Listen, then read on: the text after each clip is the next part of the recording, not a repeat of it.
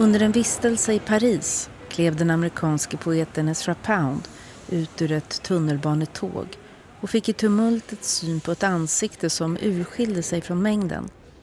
Ett vackert ansikte, mindes han i en essä några år senare. Och sen ett till och ännu ett. Och därpå ett vackert barnansikte. Och sen ännu en vacker kvinna. Den starka minnesbilden av alla ansikten i strömmen av resenärer följde honom länge. Men det tog tid att finna ett konstnärligt uttryck för den känslofyllda upplevelsen. Enligt poeten själv skrev och förkastade han flera dikter som var betydligt längre än den kondenserade, haiku-liknande tvårading som blev resultatet publicerad i tidskriften Poetry 1913. The apparition of these faces in the crowd, petals on a wet black bough. Uppenbarelsen av dessa ansikten i mängden, kronblad på en våt svart gren.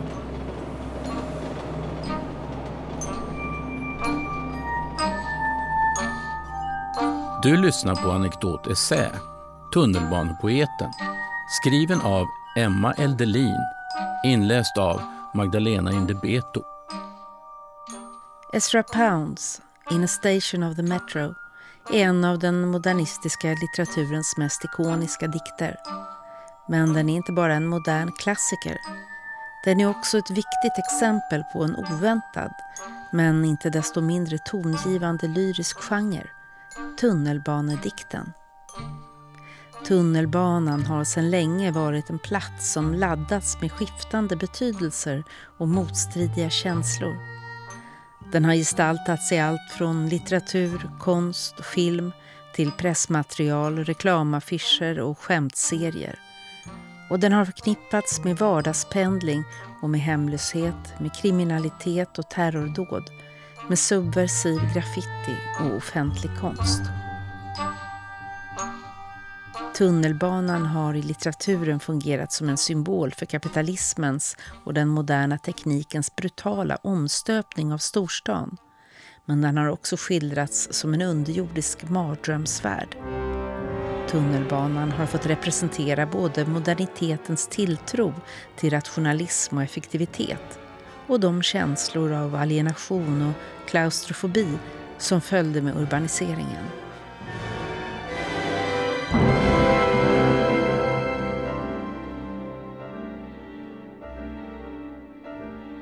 Poesin tycks ändå ha en särskilt intim relation till tunnelbanan.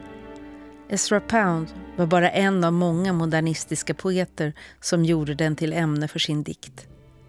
Vad är det med tunnelbanan som gör den så attraktiv för poeter och för poesin? Ett möjligt svar är att poesin sedan mycket länge har haft ett särskilt förhållande till underjorden.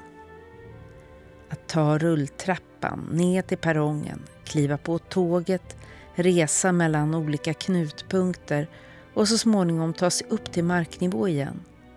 Det har i litteraturen blivit en modern version av nedstigningen i mytens och religionens dödsriken. Tunnelbanefärden förvandlats till en högteknologisk variant av de många resor i underjorden eller dödsriket som under årtusenden har förmedlats genom berättelser om underjordsfarare från Gilgamesh till Orfeus, Vergilius Amnes och Dante i den gudomliga komedin. Det farofyllda nedstigandet i underjorden som litterär genre har till och med en särskild term, katabasis. I myt och äldre litteratur har färden ner i underjorden haft varierande syften. Att söka kunskap eller lära känna sig själv, att återfinna någon eller något som gått förlorat. Att utkämpa en kamp eller erövra övernaturliga krafter. Det är inte alltid som återvändandet är lyckosamt eller triumferande. Orfeus återfår inte sin Eurydike och de döda har inte alla svar. Men katabasisberättelsen är också i högsta grad en modern genre. Efter Freud tolkas den främst i psykologiska termer som en nedstigning i det egna undermedvetna där sanningen om jaget lokaliseras.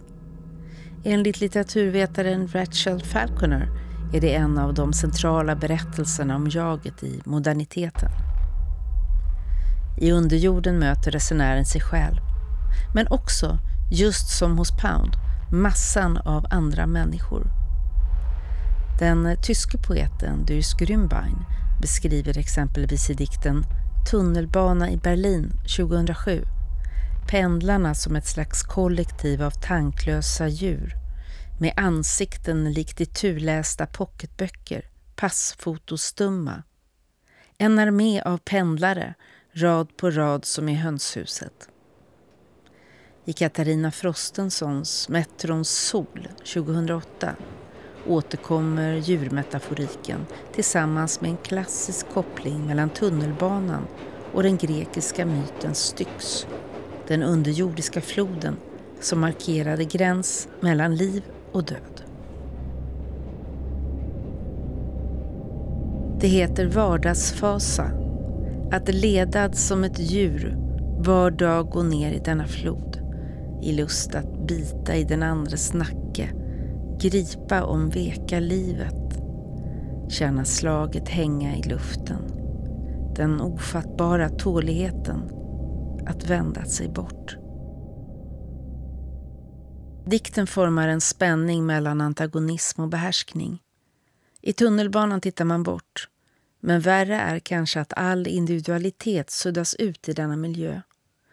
Att utplånas i rusning under namnet Alstom heter det hos Frostenson med syftning på det franska transportföretag som förser många storstäder med passagerartåg. Även om tunnelbanan beskrivs som en utjämnande och dyster miljö har den ännu en lockelse i samtida poesi och kan fortsatt vara ett resonansrum för tankar om individ och kollektiv. I den modernistiska poesin med tunnelbanemotiv är poetens förhållande till och behov att urskilja sig gentemot massan en återkommande problematik. Litteraturvetaren Andrew Thacker har diskuterat hur denna konflikt tog sig uttryck hos poeter som Ezra Pound, Richard Adlington och F.S. Flint. I sina försök att förstå poesins reaktion på nya masstransporter vänder sig Thacker till Walter Benjamin som i sin stora utforskning av Paris hävdade att järnvägen var det första transportmedel som formade massor. På liknande sätt konstaterade George Simmel i sin diskussion om urbaniseringens psykiska konsekvenser att moderna masstransporter bidrar till en ny erfarenhet av att behöva betrakta främmande människor under lång tid utan att förväntas tala med dem. Med tunnelbanan ställdes allt detta på sin spets. Skillnaderna gentemot de andra blev exempelvis mer påtagliga än i tidigare transporter. Tunnelbanan skulle vara ett färdmedel för alla och här fick man lära sig att samsas med människor av annat kön, annan klass eller annan hudfärg. Tågresandet hade historiskt ofta varit mer skiktat med särskilda kupéer för kvinnor eller för arbetarklassen. Tunnelbanan var också annorlunda som rumslig och sensorisk miljö. Tunnelbaneresenären hade inte samma möjlighet att blicka ut över ett förbipasserande landskap som den som färdades med mer långväga transporter via järnväg. Under de sträckor då resan gick under jord fanns det inte mycket annat att fästa blicken på än andra resenärer eller de annonser som successivt började dyka upp i vagnar eller på stationer. Samtidigt utvecklades en etikett om att det var ofint att stirra på sina medpassagerare. Poeten som vill försöka förstå den nya underjordiska världen behövde kringgå denna oskrivna regel om att inte söka upp medpassagerares blickar. Det gick förstås att uppöva en skicklighet i att betrakta andra utan att bli upptäckt. Att undgå att andra ser att man ser. I den imagistiska poesin utvecklas en föreställning om att poeten höjer sig över massan och formar sin individualitet just genom att vara den enda som ser. och reflekterar. I dikterna iscensätts det ofta just i form av ett blickarnas möte i tunnelbanan.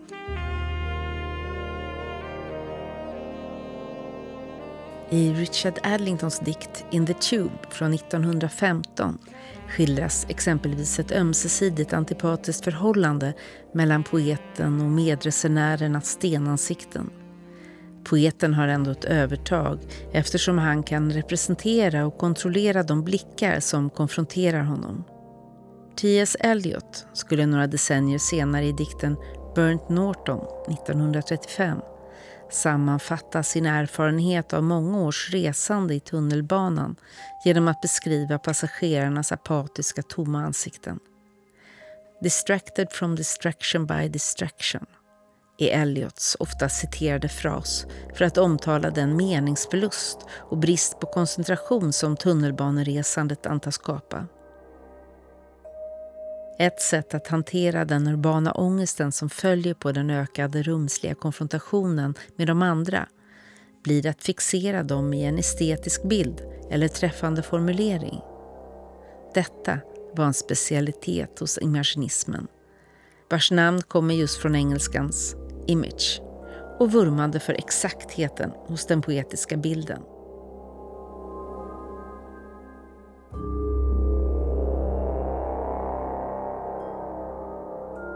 Flera uttolkare av Ezra Pounds In a station of a metro har noterat att även om Pound refererar till upplevelsen av att behöva armbåga sig fram i trängseln så präglas hans dikt av en distans och stillhet som ligger långt från tunnelbaneresans realitet. Inte minst då den helt ignorerar den kroppsliga erfarenheten och så entydigt fokuserar på synsinnet. Pounds dubbelexponerade bild där massans ansikten för poeten framträder som kronblad på en våt svart gren har beskrivits som ett exempel på hur den imaginistiska poesin sökte ett bildskapande som frigjordes från tidens och rummets gränser. I det här fallet är det kvinnor och barn som förvandlas till passiva objekt för den manliga poetens estetiserande blick. Andrew Thacker har tolkat dikten som en genusmässig respons på den moderna storstadens rumsliga och sociala omständigheter han ser den som en illustration av hur relationer i rummet alltid genomsyras av maktförhållanden. Thacker uppmärksammar också hur dikten fragmenterar inte bara människor som reduceras till ansikten utan också språket. Varje språklig enhet skildrar en sak. Uppenbarelsen, ansiktena, massan, knopparna, grenen. I den första publicerade versionen omgavs de till och med av typografiska mellanrum. Diktens själva rumsliga form och dess styckning i enheter förmedlar en ny fragmenterande rumserfarenhet i modernitet framkallad inte minst av nya transportinfrastrukturer och urbanisering. Det finns dock ett annat sätt att se på de moderna transporternas roll i den här historien. Samtidigt som tunnelbanan atomiserar erfarenheten i en rad disparata intryck kan den också fungera som en sammanhållande struktur. Det menar den amerikanska litteraturforskaren Sanny Stalter Pace som studerat hur New Yorks tunnelbana har gestaltats i olika litterära genrer under förra hälften av 1900-talet. I en jämförelse mellan just Pounds In a Station of the Metro och Hart Cranes The Tunnel 1930 som skildrar en tunnelbaneresa från Times Square till Brooklyn Heights i New York konstaterar Stolter Pace att de bägge poeterna har olika sätt att förhålla sig till den splittrande upplevelsen av tunnelbanemiljön. Även om Pounds dikt kan tyckas fragmenterad med sina disparata bilder kommunicerar dikten en tydlig helhet. Från titeln på varje följande rad formulerar Pound en relation mellan det specifika och det generella. Mellan en station och det större transportsystemet. Mellan ansiktena och massan. Mellan knopparna och grenen. Och mer implicit mellan det bokstavliga och det symboliska. Cranes The Tunnel presenterar istället impressioner, känslor och små stycken av samtal som aldrig sammanfogas till en helhet.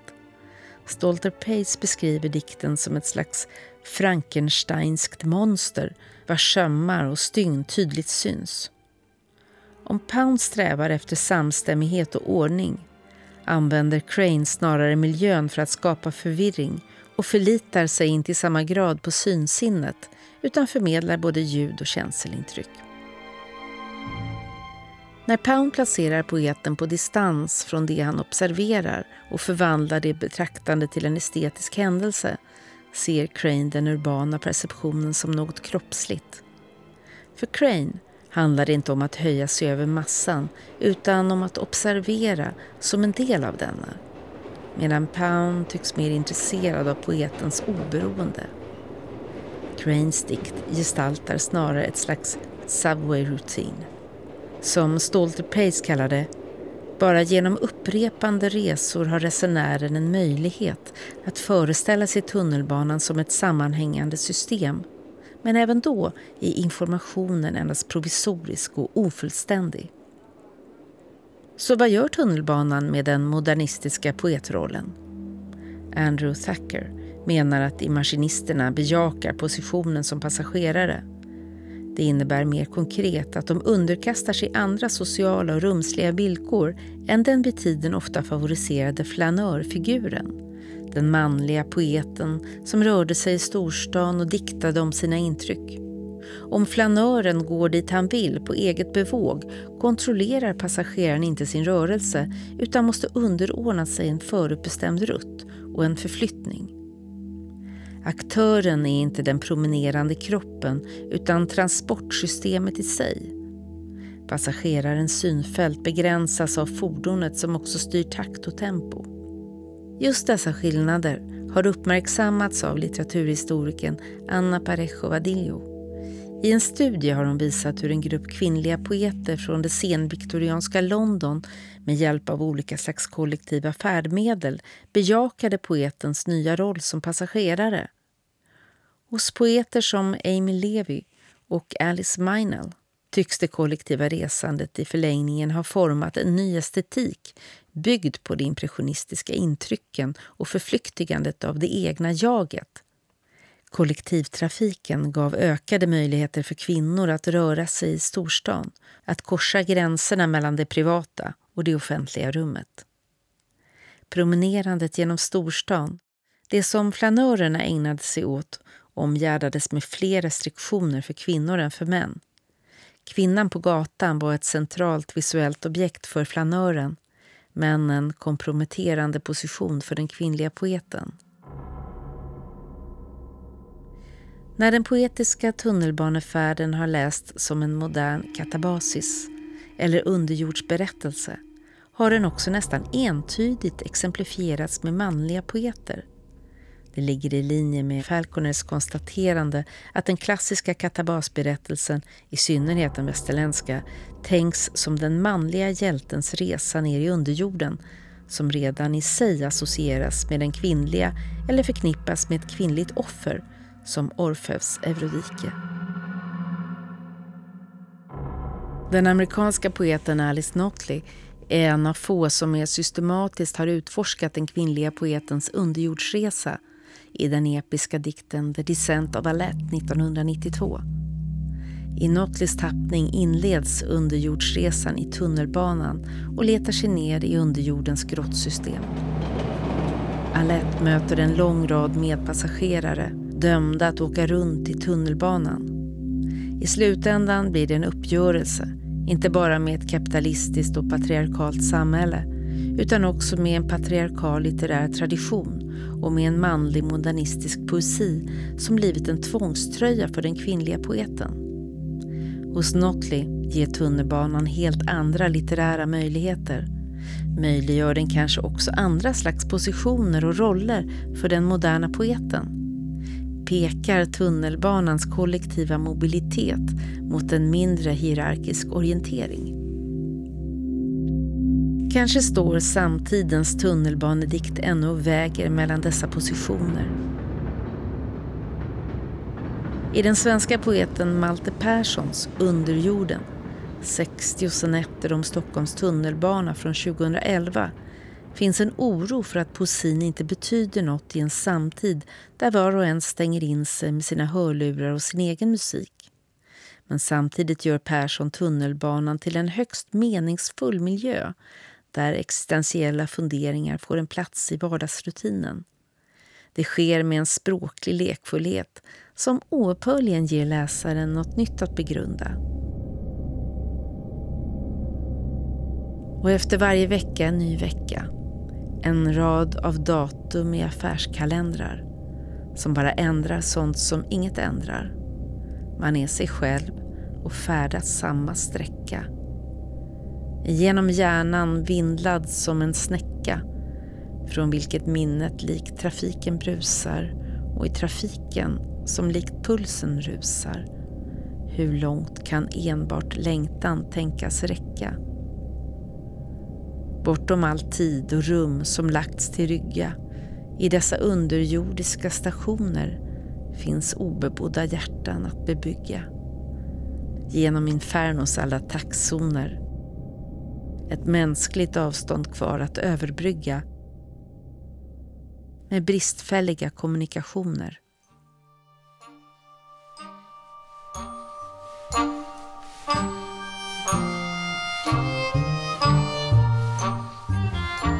Du har lyssnat på Anekdot Essä, en del av bildningsmagasinet Anekdot. Musik Oskar Schönning, regi Lars Indebeto, producent Magnus Bremmer. Fler essäer, poddar och filmer hittar du på anekdot.se.